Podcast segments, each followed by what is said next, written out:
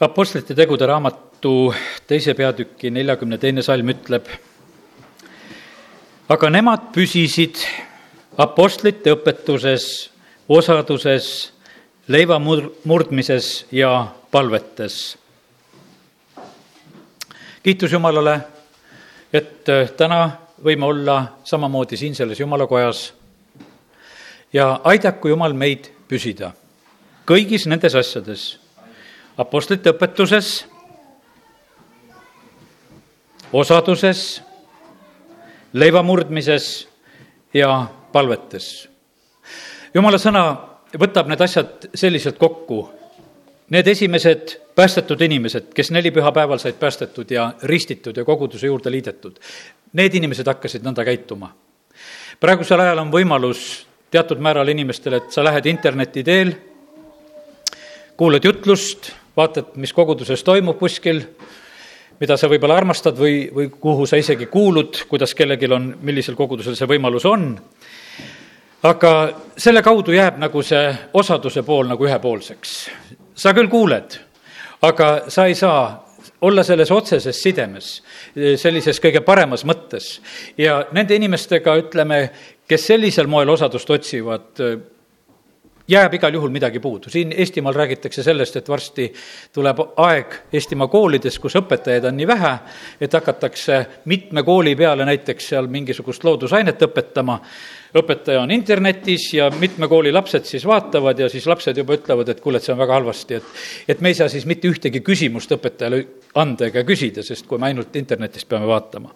ja sellepärast kiitus Jumalale, et, et meie saame olla osaduses ja, ja see puudutab just ka omavahelist õdede-vendade osadust, jumala laste osadust siin.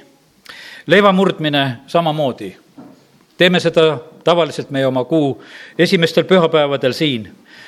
palved, need peavad olema alati. aga apostlite õpetus, ma tulen korraks nagu selle mõtte juurde. kus on see apostlite õpetus, kas see on ainult siin meil nende kirjade kaudu, mis on jumala sõnas? Ei, ma usun seda, et väga selgelt on apostlite õpetus suureks õnnistuseks ka just praegusel ajal, keda Jumal on tõstnud sellesse positsiooni ametisse. ja isiklikult tunnen südamest rõõmu, et meil on tekkinud kontakt ka Riiaga ja just ka pastor Alekseiga, kes on apostelliku võitmisega ja see on olnud õnnistuseks. tänasel hommikul ma tahan jagada ühte sõnumit, mida vend jagas kolmandal augustil Riias. ja, ja see on üsna ma usun, selline mõtlemapanev sõnum. kallid, see on niimoodi, et vaata, jumal annab ilmutusi ja me ei saa ütelda seda, et ta annab meile kõigile ühtemoodi. jumal on valinud mõned apostliteks ja, ja nendega ta räägib hoopis teisel viisil. Apostel Paulusel olid need väga suured ilmutused, mis olid. ja, ja sellepärast, kallid, see, mida jumal kellelegi tahab anda ja ilmutada, see on tema valik ja kelle kaudu ta seda teeb. ja sellepärast, aga meie eesõigus on see, et võtta vastu seda. evangeelium tuleb niikuinii meieni inimeste kaudu. ja inimestena oleme me kõik puudulikud ja vigadega. aga jumal on leidnud sedasi, et see kõlbab küll, et evangeeliumi kuulutus käib inimeste kaudu. ja sellepärast ei ole ühtegi täiuslikku inimest, ei ole ühtegi täiuslikku apostlit ka. mitte kedagi, keda me iganes otsime või vaatame, ainult meie isa taevas on täiuslik. ja sellepärast täna me oleme siin selles positsioonis, kus me võime võtta vastu seda õnnistust, mida Jumal jagab ka teiste inimeste kaudu. et me üheskoos kõigi pühadega võiksime mõista Jumala armastust ja kõiki Jumala neid suuri plaane ja asju, mida tema tahab teha andku Jumal tänasel hommikul meile tarkuse ja ilmutuse vaimu, et me võiksime aru saada ja tähele panna. täna on meid juba väga hästi üles kutsutud selleks, et meil võiks olla seda sellist tähelepanuvõimet, et kui me kuuleme seda häält või kuidas Jumal tahab tähelepanu tõmmata, et me oskaksime selle poole pöörduda kui Samuel noore poisina kuuleb Jumala häält, siis ta esimesel hetkel ei saa aru. ta mõtleb, et keegi teine inimene on see ja ta läheb Eeli juurde ja ütleb, mis sa tahad kallid, jumal tahab sinuga rääkida ja sellepärast on täna nii, et, et äh, ole valvel, pane tähele seda, mida jumal tahab sulle rääkida. ja olgu sul igatsus, et jumal oma sõnaga võiks sind toita ja, ja sellepärast, kui see igatsus meie südametes on, siis, siis see on tegelikult võimas asi, siis jumal on valmis seda kindlasti tegema. jumalal jätkub seda, seda leiba taevast, mida meie vajame ja, ja sellepärast aidaku meid Jumal, et me täna siin igaüks võiksime saada ka toivet, toidetud.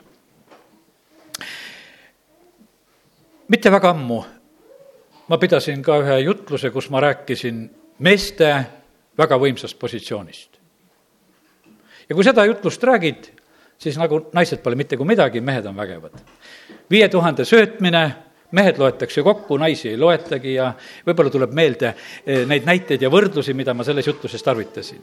ja tõsi ta on, jumal on loonud mehe esimesena ja kui jumal loob selle maailma, siis esmalt ta loob mehe ja, ja mees on siin selles maailmas sellisel perioodil juba teatud aeg, kus kõik selles maailmas on valmis. isegi jumala poolt on käsud ja korraldused, kuidas Edeni aias tuleb elada ja käituda ja kõik, kõik on nagu valmis, loomad, asjad, jumal on loonud kõik.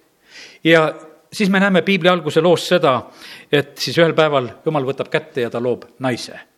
naine tuleb tegelikult täiesti valmis maailma maailm on valmis, naine tuleb hiljem ja sellel maailmal on juba oma ajalugu teatud määral olemas ja, ja siis tuleb naine.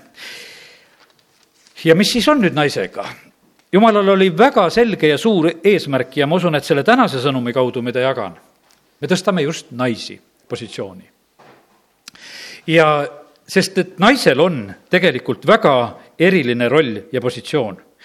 teise esimese Moosese teise peatüki kahekümnes salm ütleb, ja inimene pani nimed kõigile kariloomadele ja lindudele taeva all ja kõigile metsloomadele, aga inimesele ei leidunud abilist, kes tema kohane oleks. siis issand jumal laskis tulla raske une inimese peale ja see jäi magama siis ta võttis ühe tema küljeluudest ning sulges selle aseme taas lihaga ja issand jumal ehitas küljeluu, mille ta inimesest oli võtnud naiseks ja tõi tema Aadama juurde. ja Aadam ütles, see on nüüd luu minu luust ja liha, liha minu lihast. teda peab hüütama mehe naiseks, sest ta on mehest võetud seepärast jätab mees maha oma isa ja ema ning hoiab oma naise poole ja nemad on üks liha nii kirjutab jumala sõna meile sellest, kuidas naine loodi. ja ma jätkan lugemist veel kolmandast peatükist ja kahekümnendast salmist, kus on öeldud, et ja Aadam pani oma naisele nimeks Eeva, sest ta sai kõigi elavate emaks.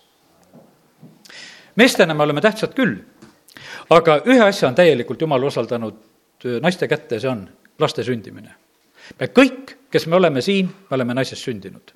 ja sellepärast Jumal, ta valmistab inimesele abilise, mis on kohane ja tegelikult väga suure eesmärgiga, et rahvas võiks siin maa peal paljuneda, sigida ja naise ülesandeks oli see, et lapsed ilmale kanda. kõik inimesed, kes siin selles maailmas on sündinud, on sündinud naise kaudu see on olnud jumala plaan, ta on selle nõnda teinud ja selle erilise ülesande on ta usaldanud naise kätte. ja, ja see ei olegi mitte nii kerge ülesanne. hiljuti juhtusin kuulama ühte äh, saadet, kus üks vene nõukogudeaegne laulja sellises äh, saates räägiti tema koha pealt, ütles, et et tema kartis rasestuda, see on valus ja raske siis ta mõtles, ma kardan sünnitada, seda ma ka ei taha. ja siis ta ütles, ma lõpuks kardan ka üldse lapsi kasvatada, et see ka on raske. Ja, ja nii ta elaski, nii et tal ei olnud lapsi, saatis oma elu selliselt mööda. jah, selle hirmu võib tuua kurat naisesse. aga jumala plaan on olnud hoopis teine. jumala plaan on olnud ikkagi see, et naise kaudu sünniksid inimesed siia sellesse maailma kord taevas on kõik need inimesed, kes on naisest sündinud. sest ei ole teisi inimesi. Ütleme, Aadam ja Eeva, need kaks, keda jumal lõi, aga teised on kõik sündinud ja kõik on naisest sündinud. ja sellepärast on see, et, et tegelikult see taeva pulmalaud peab täituma inimestest, kes sünnivad siin selles maailmas ja nad sünnivad naiste kaudu. ja sellepärast täna me räägime sellest asjast sellises võtmes, et kui olulises positsioonis on tegelikult naised jumala jaoks ja jumal on kuidagi eriliselt suhtunud tegelikult eh, naistesse sellepärast ka. kõigepealt jumal tegeleb tükk aega mehega. ta õpetab teda ja ennem ta ei usalda tema kätte üldse naist. ja sellepärast, kallid, see peaks olema nii, et iga õige mees õpib ennem tundma Jumalat, kui ta naist hakkab otsima sellepärast, et sealtkaudu tuleb tegelikult see tarkus ja õnnistus, kuidas käituda kuidas olla. ja sellepärast aidaku meid Jumal, et me võiksime täna saada ilmutust nendest asjadest, mis on Jumala jaoks äh, väga oluline ja, ja tähtis.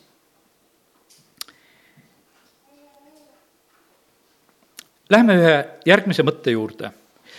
inimene on langenud juba pattu ja see on nüüd esimese Moosese kolmanda peatüki viieteistkümnes salm neliteist ja viisteist loen.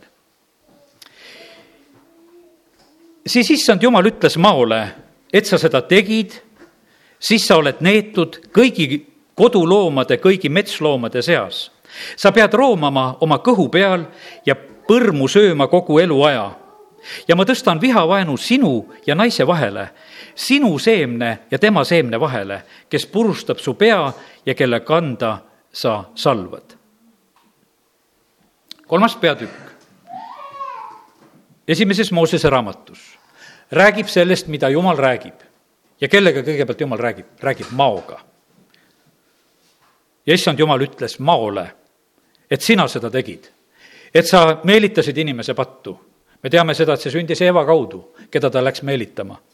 siis äh, Jumal neab ära Mao.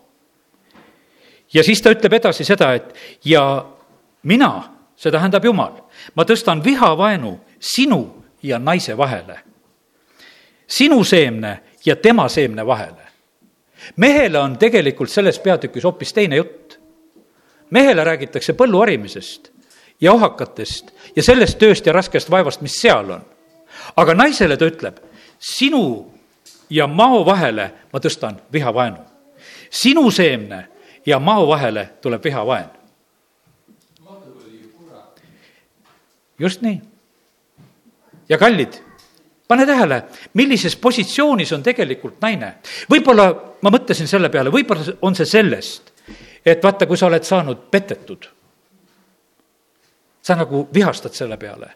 Eeva sai petetud esimesena.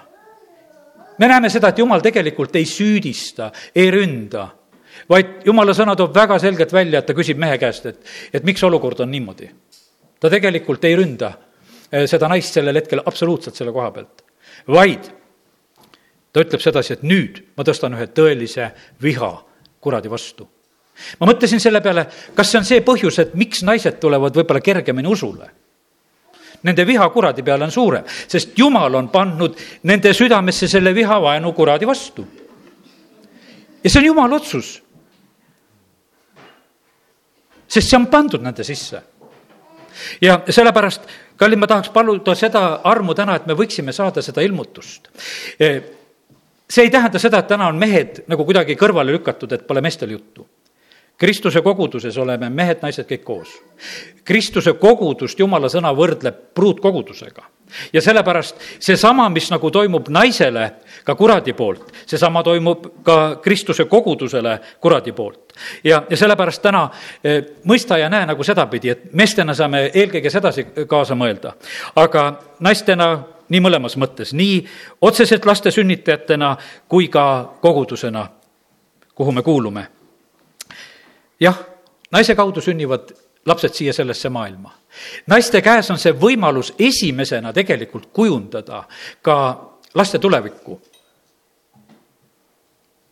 kõige lähem paik ja sellepärast oli see kuradi eh, plaan minna, petta ja saada kätte just naine, sest ta teadis, et naise kaudu sünnivad lapsed ta teadis, et väga tähtis oleks naine kuidagi enda kätte saada. me teame seda, kuidas tegelikult eh, langenud jumala inglid, me oleme hiljaaegu siin nendest asjadest rääkinud, tulid inimeste tütarde juurde.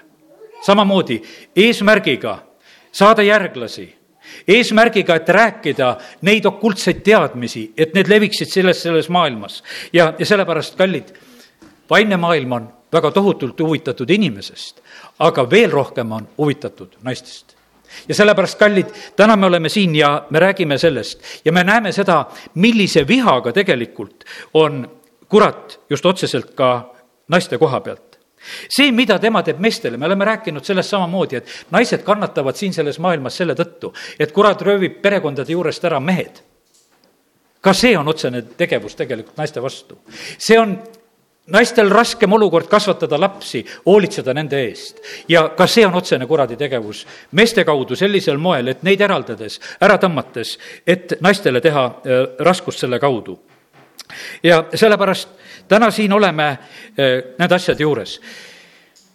ma usun, et kes sa tunned võib-olla piiblit, siis sa võid mõelda niimoodi, et äh, Vanas Testamendis me võime näha seda, et naise roll oli vahest üsna teistsugune mehele pannakse niimoodi, et ei küsita ta käest.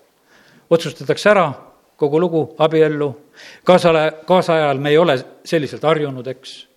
me võime näha isegi, kuidas näiteks Lottki käitub seal, et, et kui need Soodoma mehed tulevad ja, ja, ja tahavad neid mehi tegelikult sealt saada kätte, siis Lott ütleb, jah, võta mu tütred. et kuidagi naistega käituti nii, noh, ma ei tea, kas Lott oli nii ettenägelik, et teadis, et niikuinii nad, neid tütreid ei tahagi. aga, aga me näeme seda, seda käitumist, mis tegelikult, tegelikkuses nagu oli. uues testamendis me näeme, et äh, naise positsioon Jeesuse poolt muudetakse väga suurelt. me näeme seda, kuidas äh, Jeesuse ümber on tegelikult palju naisi on väärikaid naisi, kes toetavad oma varandusega, on neid patuseid naisi, kes olid kurjadest vaimudest vabaks saanud. Äh, Jeesus vestleb naistega, on see Samaaria kaevul ta räägib, on see patune naine, kes tuuakse Jeesuse juurde, et kividega surnuks visata. Jeesus tegelikult lahendab neid olukordasid ja ütleme, selles ajas tegelikult oli see väga erakordne käitumine, kuidas Jeesus käitus ja tegi ja oli. aga Jeesus tuli esindama Jumalat siin selles maailmas ja näitama, kuidas Jumal tegelikult naisesse suhtub. ja kuidas Jumal vaatab naise peale. jumal vaatab erilise armastusega ja sellepärast täna juba küsin nagu sedasi ette ka ära kui jumal ütles seda, et mina tõstan vihavaenu sinu ja kuradi vahele, ütleb naisele, siis kelle poole peal jumal on?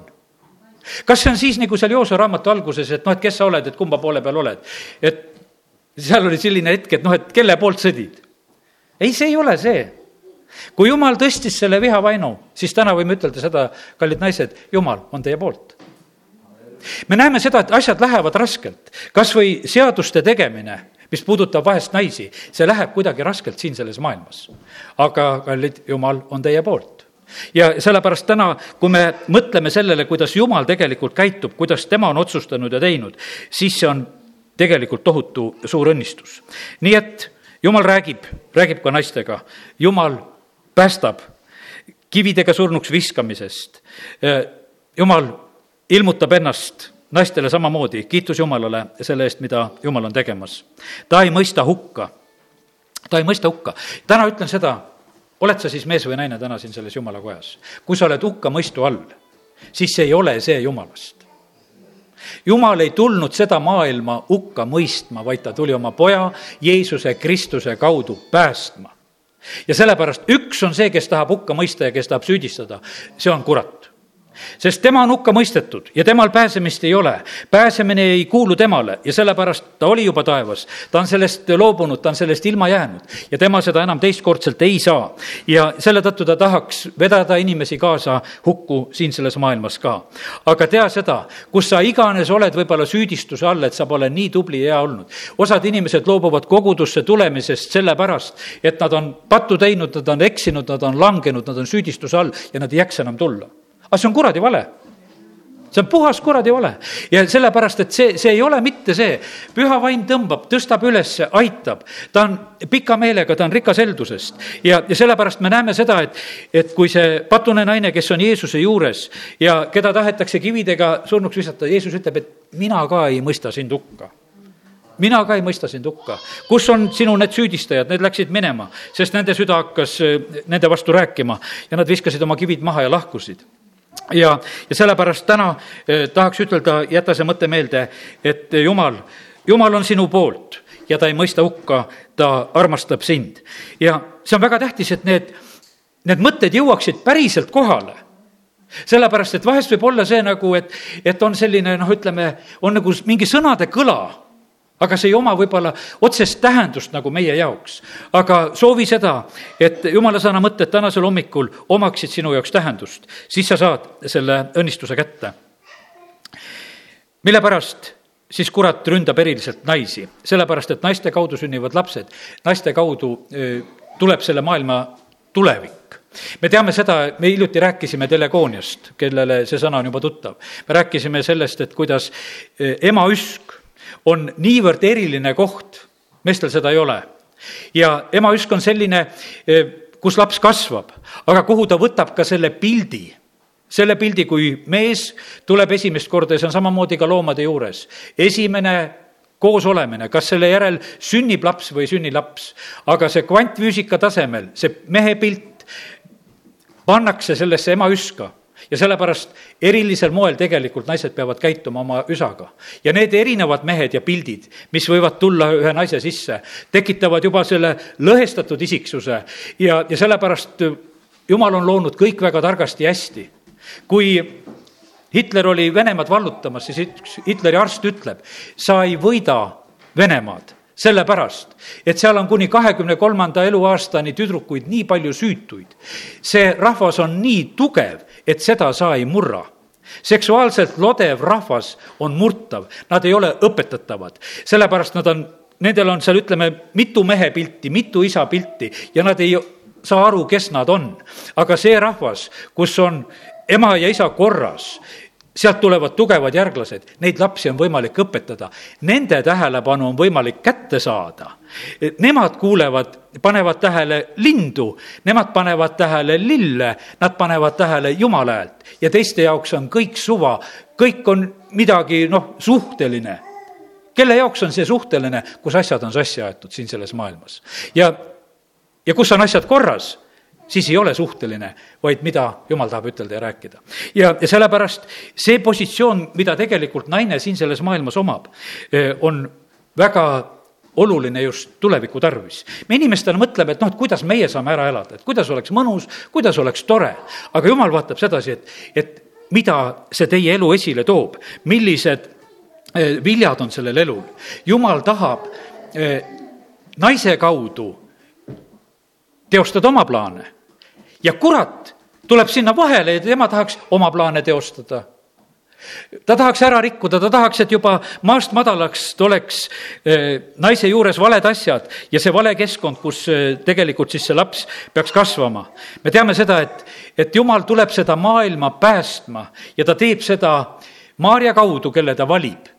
sõna pidi saama lihaks ta pidi elama inimesena siin selles maailmas ja sellepärast Jumal pidi leidma selle inimese, kelle kaudu ta saab sündida siia sellesse maailma.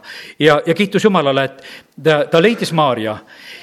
ta räägib sellest, Jumal räägib sellest Joosepile ka aga esmalt me näeme seda, et see sõnum tuleb Maarjale.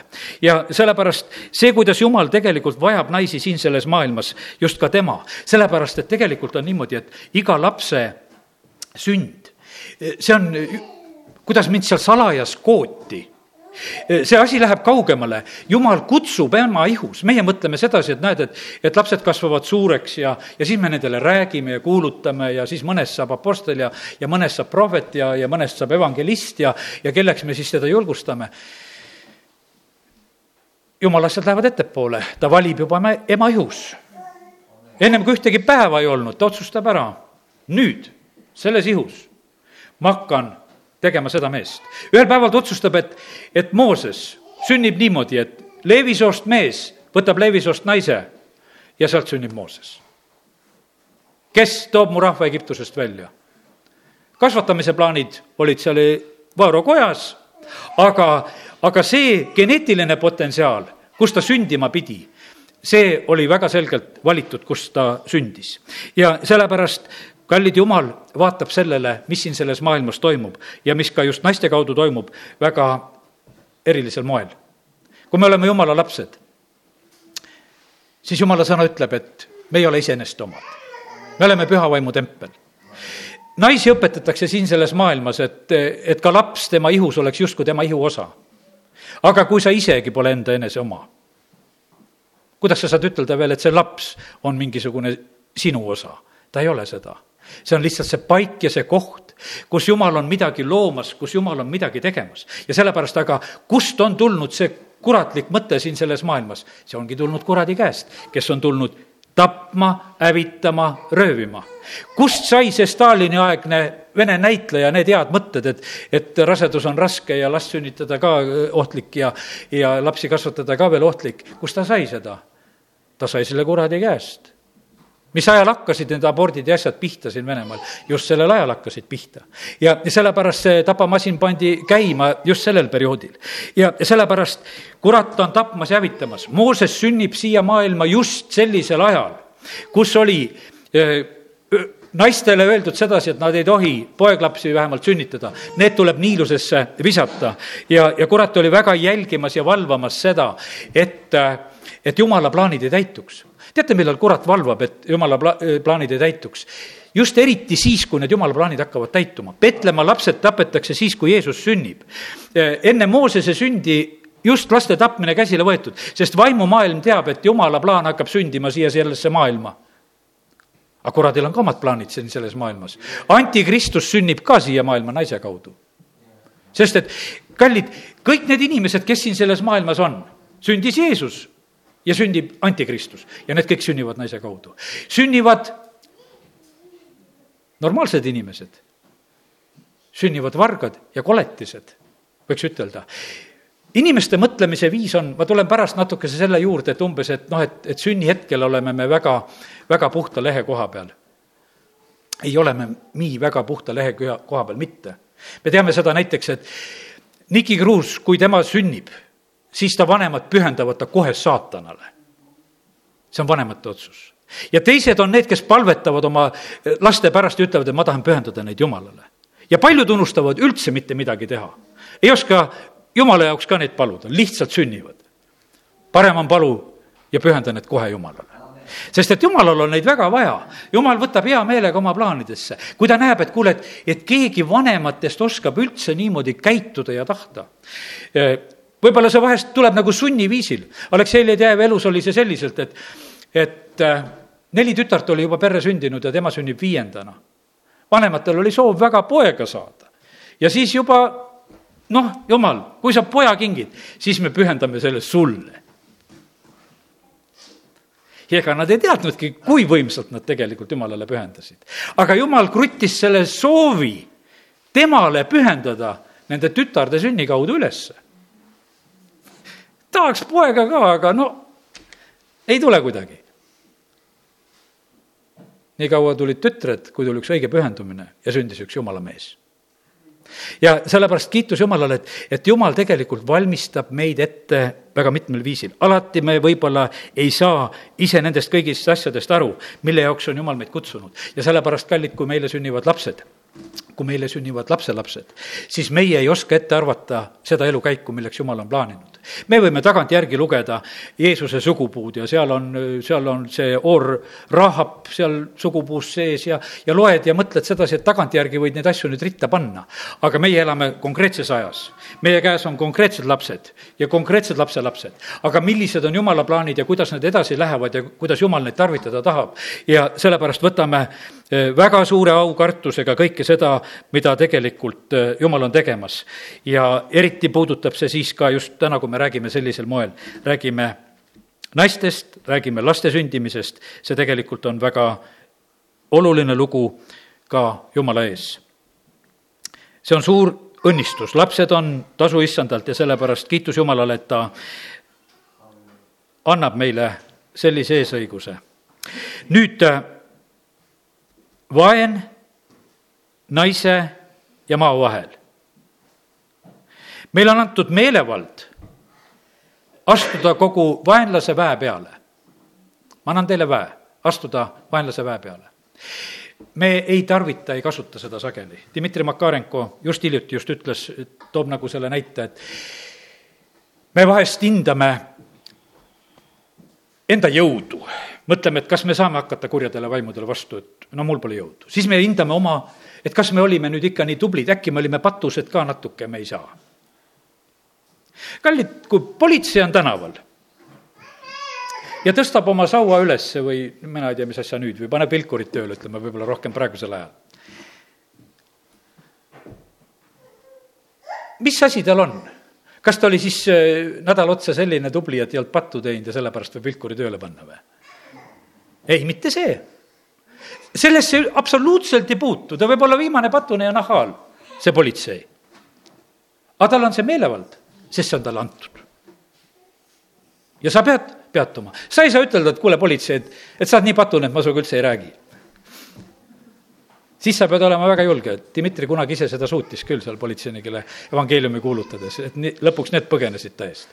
aga tavalises olukorras absoluutselt need asjad ei loe, vaid et jumal vaatab lihtsalt, vaatab positsioone ja sellepärast, kallid, jumala lastena meile on antud positsioon Kristuse kogudusena ja kallid naised, teile on antud positsioon, jumala poolt on see vaen tõstetud ülesse. Aleksei ütleb oma jutluses, et, et me saame astuda kogu vaenlase väe peale, et sellepärast naised kannavad neid kõrge kontsaga kingi. et siis selle terava otsaga on seda vaenlase pead hea purustada. sest et tema ka-, salvab kanda, aga siis on kand ka kõrgemal kui kõrge kontsaga on. sest et kurat salvab kanda, aga sina lömastad ta pea ja kui sa siis nüüd mõtled, et kumb on tähtsam, kas pea või kand, ma arvan, et ise saad aru. ja sulle on antud lömastada ta pead ja sellepärast Kristuse kogudusena tegelikult on antud meile samamoodi seda, seda meelevalda. ja kiitus Jumalale, et Jumal on kõiges selles meie poolel. ja kallid mehed, täna ütlen seda ka, et, et meie asi on olla nagu selles asjas kaasas. Kui Jeesus sünnib, siis Jumal, jah, ma rõhutasin ja rääkisin hiljuti sellest, et et inglid ilmutavad ja jumal räägib Joosepiga, et mine nüüd Egiptusesse ja nüüd mine sinna ja tänna ja see kõik käis Joosepi kaudu. ja me tõstame mehed tähtsasse positsiooni, näed, jumal räägib. aga kelle pärast ta rääkis? ta rääkis Maarja pärast ja ta rääkis selle väikse lapse pärast. sest et mees peab olema see, kes armastab, hellitab ja hoiab. ja see on ka just selle naise nimel.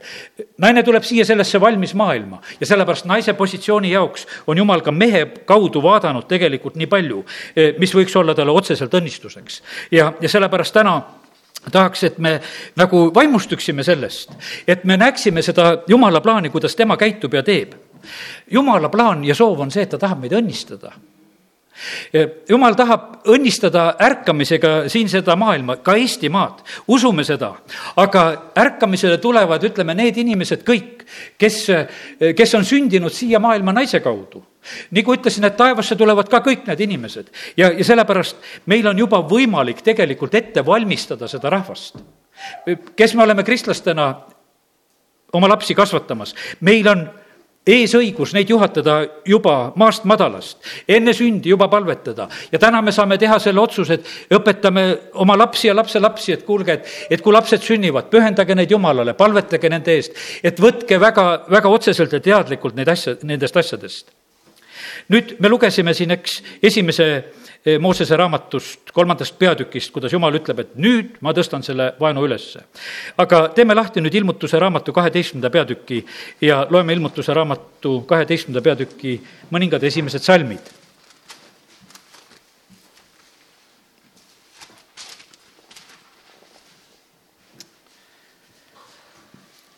suur tunnustäht sai nähtavaks taevas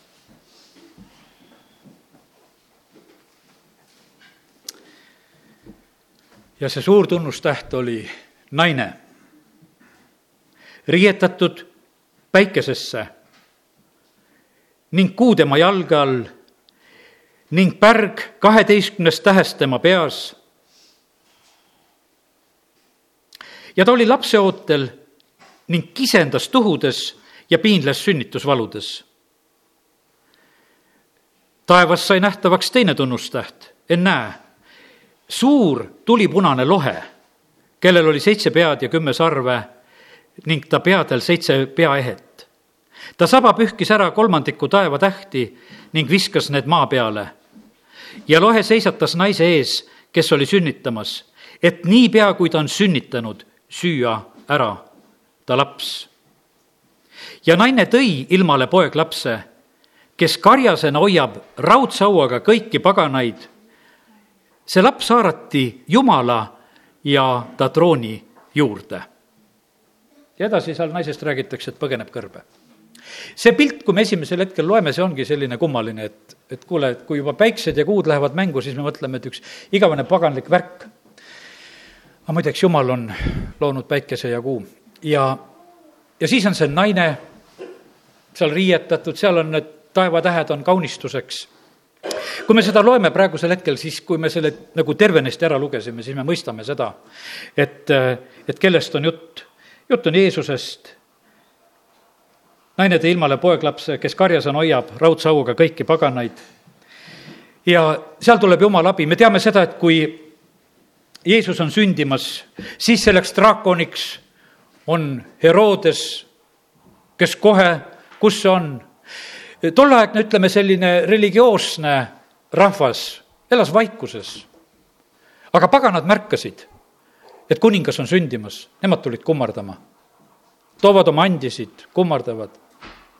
Herodes, tema ütleb, mina tahan ka seda juutide kuningat kummardama minna ja, ja tegelikult selle plaaniga, et teda tappa ja hävitada. jumal hoolitseb selle eest, et, et see lapse elu hoitakse.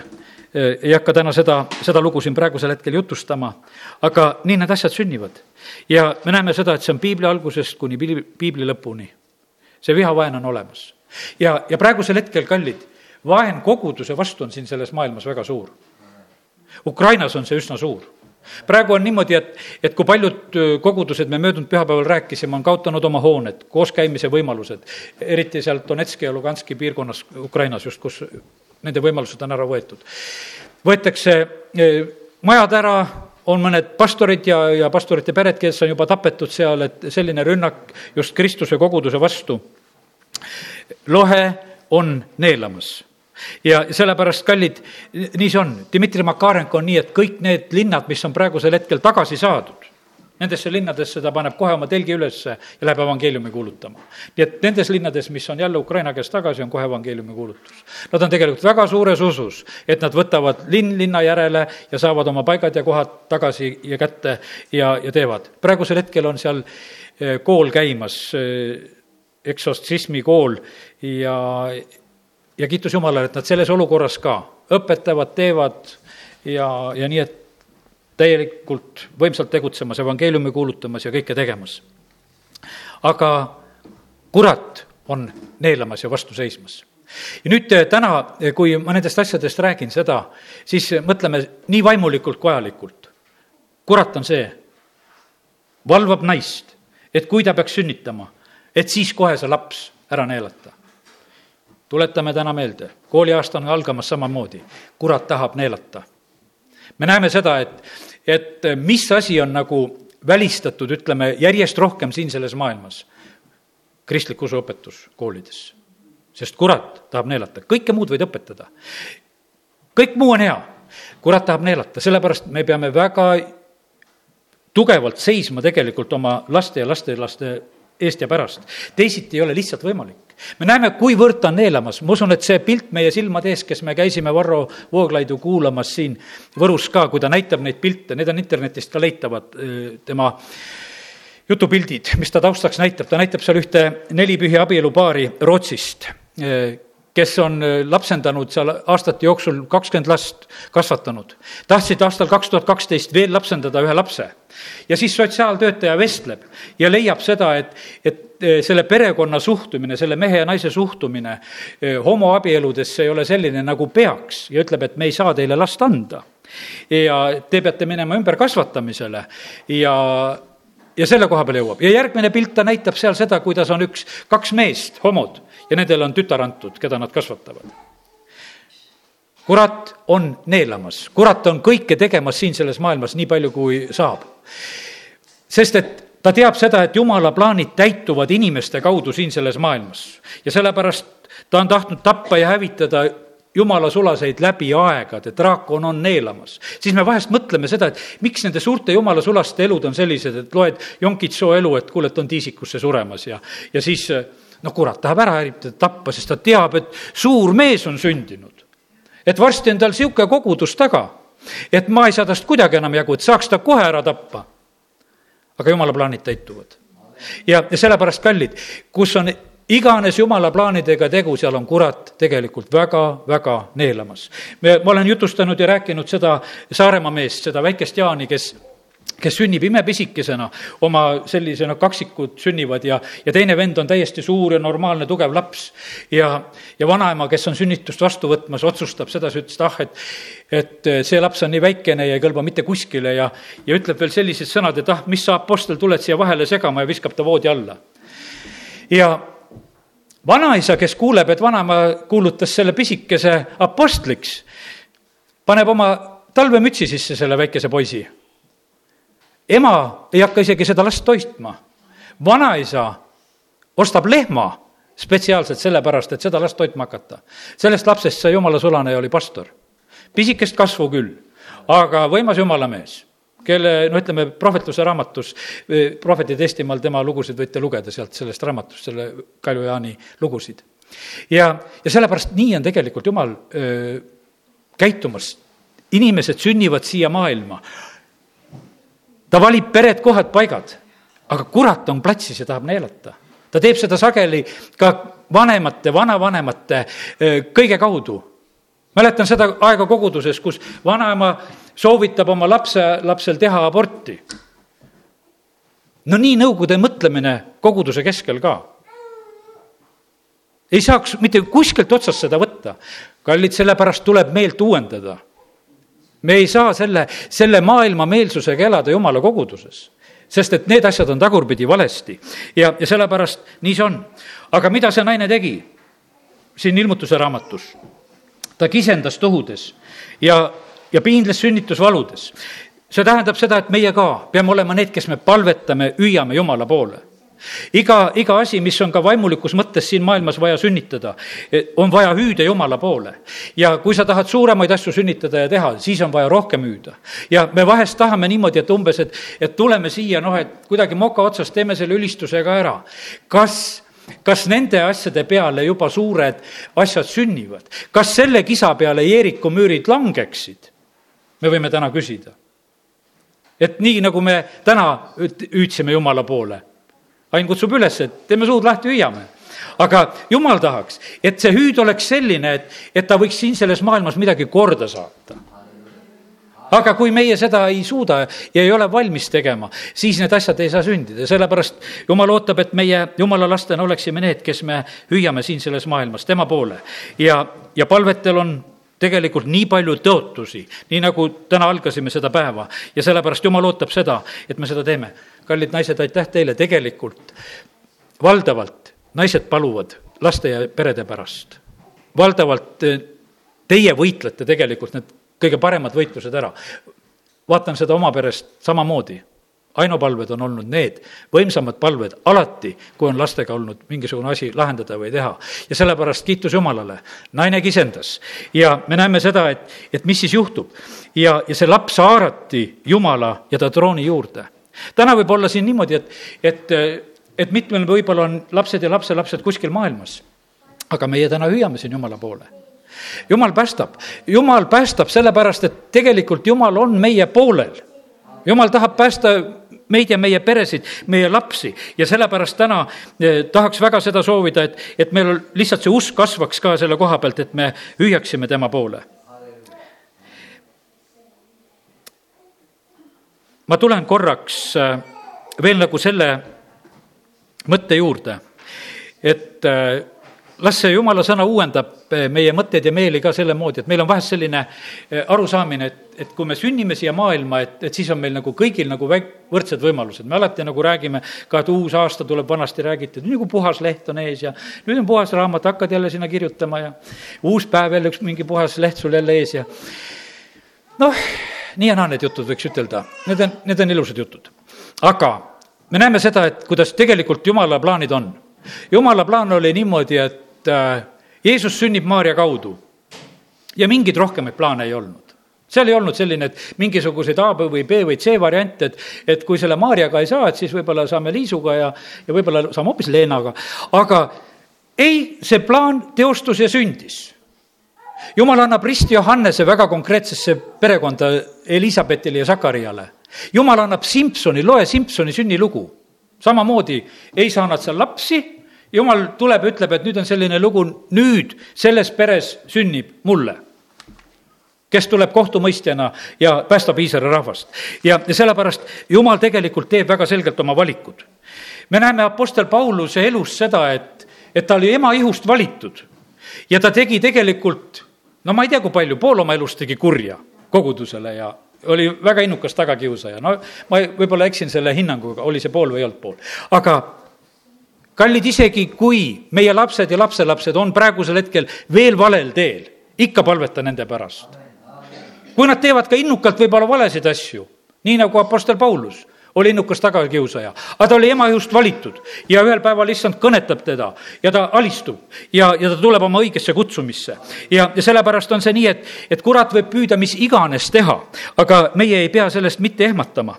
ja, ja nii me näeme, see on Jeremiia elus, see on Jesaja elus ja jumala valik tegelikult on olnud väga oluline ja tähtis alati ka nende inimeste koha pealt, keda tema valib ja kutsub täna kõlas siin selles jumala kojas see sõna, et me oleme kutsutud. me oleme kutsutud, me oleme valitud ja tõsi ta on, kui sina oled evangeeliumist aru saanud, kui evangeeliumi valgus on sulle paistnud, siis sa oled kutsutud ja valitud. Ja kas sa said ise seda kutsumist ja valikut teha? selle on jumal teinud. see, seda asja meie ise ei saa teha see ei ole mingi naksitrallide raamat, et saadan ise endale kirju, et kui muidu ei tule, eks. et kui tuleb Jumala käest, siis tuleb. ja kui ei tule, ei tule. ja sellepärast osadele ei ole tulnud ja nad ei ole täna Jumala lapsed.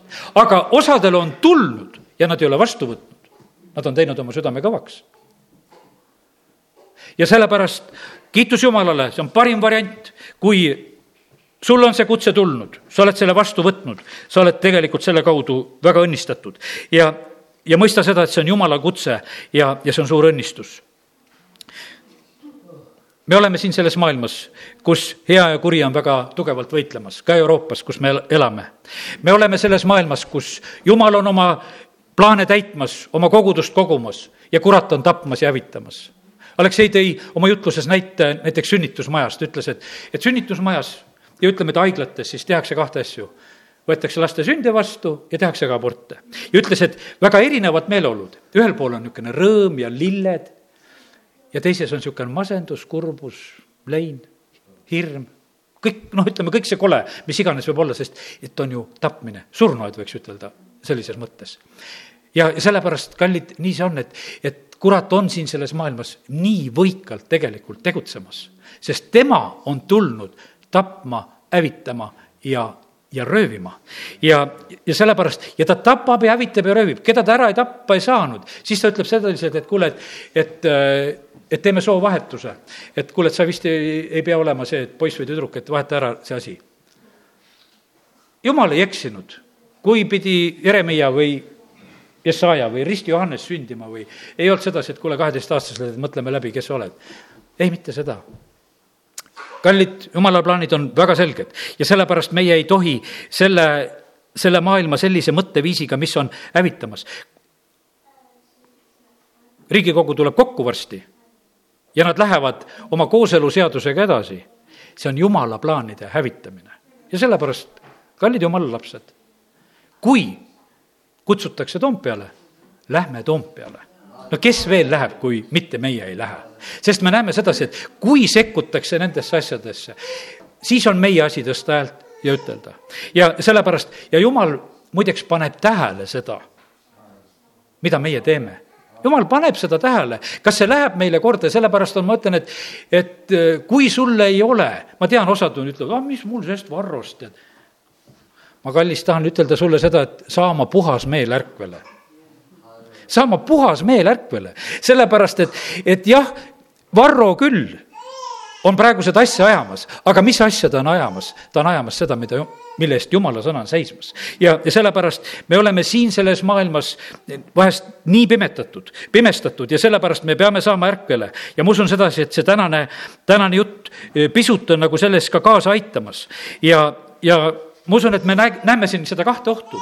me näeme ohtu, kuidas draakon tahaks neelata, aga me seisame vastu, meile on antud meelevald hüüda Jumala poole, astuda kogu vaenlase väe peale ja, ja, ja sellepärast me võidame. tegelikult on niimoodi, et Jumala plaanid kõik täituvad taeva pulmakoda saab täis. siin Dmitri Makarenko tegi sellist huvitavat arvestust, ütles, et vaata, kui oli Jeesuse aeg et kui palju rahvast siis selles maailmas oli. ta ütles, et võib-olla praegusel hetkel on eh, viisteist korda rohkem rahvast. ta ütles, et kurjade vaimude hulk sama. Need, kes taevast välja taigati, ega neid juurde ei tule. et, et siis vaata, kui tihedalt tegelikult vähem rahvast ja kurjadel vaimudel oli nagu platsi rohkem. kuule, neid on praegugi palju, eks. isegi Eestimaal jätkub liiga palju veel. et aga, aga et noh, see selline moment. siis on, eh, kuidas jumala plaanides asjad on. Eh, taevas on täisarv, kui see saab täis, siis tuleb talle pulm. eks, põrgu on põhjatu, sinna läheb palju tahes see on selline põhjatu koht, kuhu läheb palju tahes. aga meie oma evangeeliumi kuulutusega täidame taevast. iga päästetu, kes taevasse juurde saab, see tegelikult viib asja eh, lähemale sellele, et talle pulm tuleb. eks, ja kui pulm on valmis, siis me läheme ja sellepärast Jumal, Jumal on päästmas, on tegemas, ta, ta hüüab ja sellepärast meie, meie asi on tegelikult väga tõsiselt seda teha iga inimese hingest võidelda. inimesed ei, ei saa aru, kui ohtlikus olukorras nad tegelikult siin selles, selles maailmas ilma jumalata elavad, sellepärast et siin on see draakon, kes tahab neelata. aga kiitus Jumalale, et Jumal tuleb ja haarab. ja sellepärast täna ma usun seda, et et kui sa selle jutluse oled täna ära kuulanud, no palju see oli sinu enda tarkus, et saada jumala lapseks? see on ikka üks suur jumala arm, et on sind haaranud. tõuseme ja oleme palves.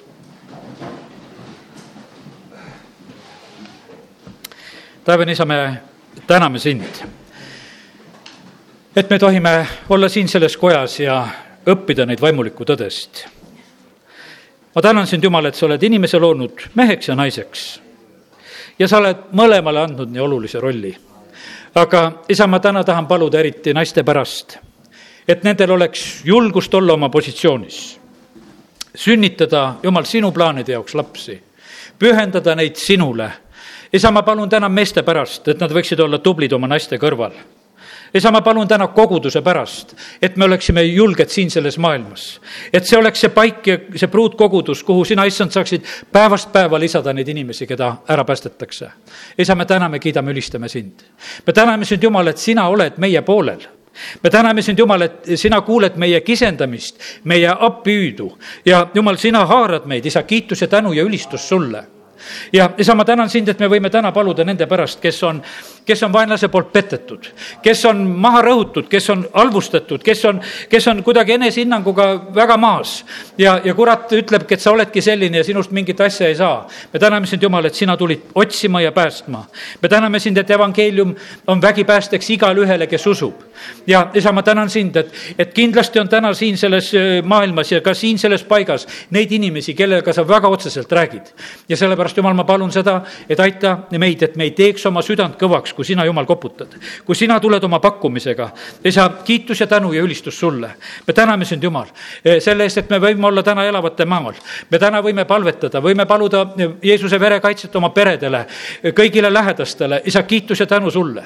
isa, ma palun seda, et see tänane sõnum, mis on olnud, et see innustaks meid evangeeliumi kuulutama. anna meile tarkust inimestele lähenemiseks ja me täname sind, Jumal, et kui me evangeeliumi kuulutame, siis sina järgid seda asja imede ja tunnustähtedega. isa, kiitus ja tänu ja ülistus sulle. E, me ootame ärkamist siia Eestimaale, aga see tuleb evangeeliumi kuulutuse kaudu. see tuleb selle kaudu, kui me kuulutame ja siis tulevad need imed ja tunnustähed, mis järgivad. isa, me täname, kiidame, ülistame sind, et sina tahad võimsa lõikuse võtta meie maalt. isa, kiitus ja tänu ja ülistus sulle, me täname sind, Jumal, et sa oled hea isa, tänu sulle, ma palun samuti, Jumal, seda armu, et see kuuldud sõna mida me täna oleme kuulnud, et see võiks meie südametesse jääda head vilja kandma. et see kasvaks, et me kasvaksime arusaamises, et meil oleks tarkust õpetada nii naisi kui mehi, lapsi kui lapselapsi ja Kristuse kogudust Jeesuse nimel, amin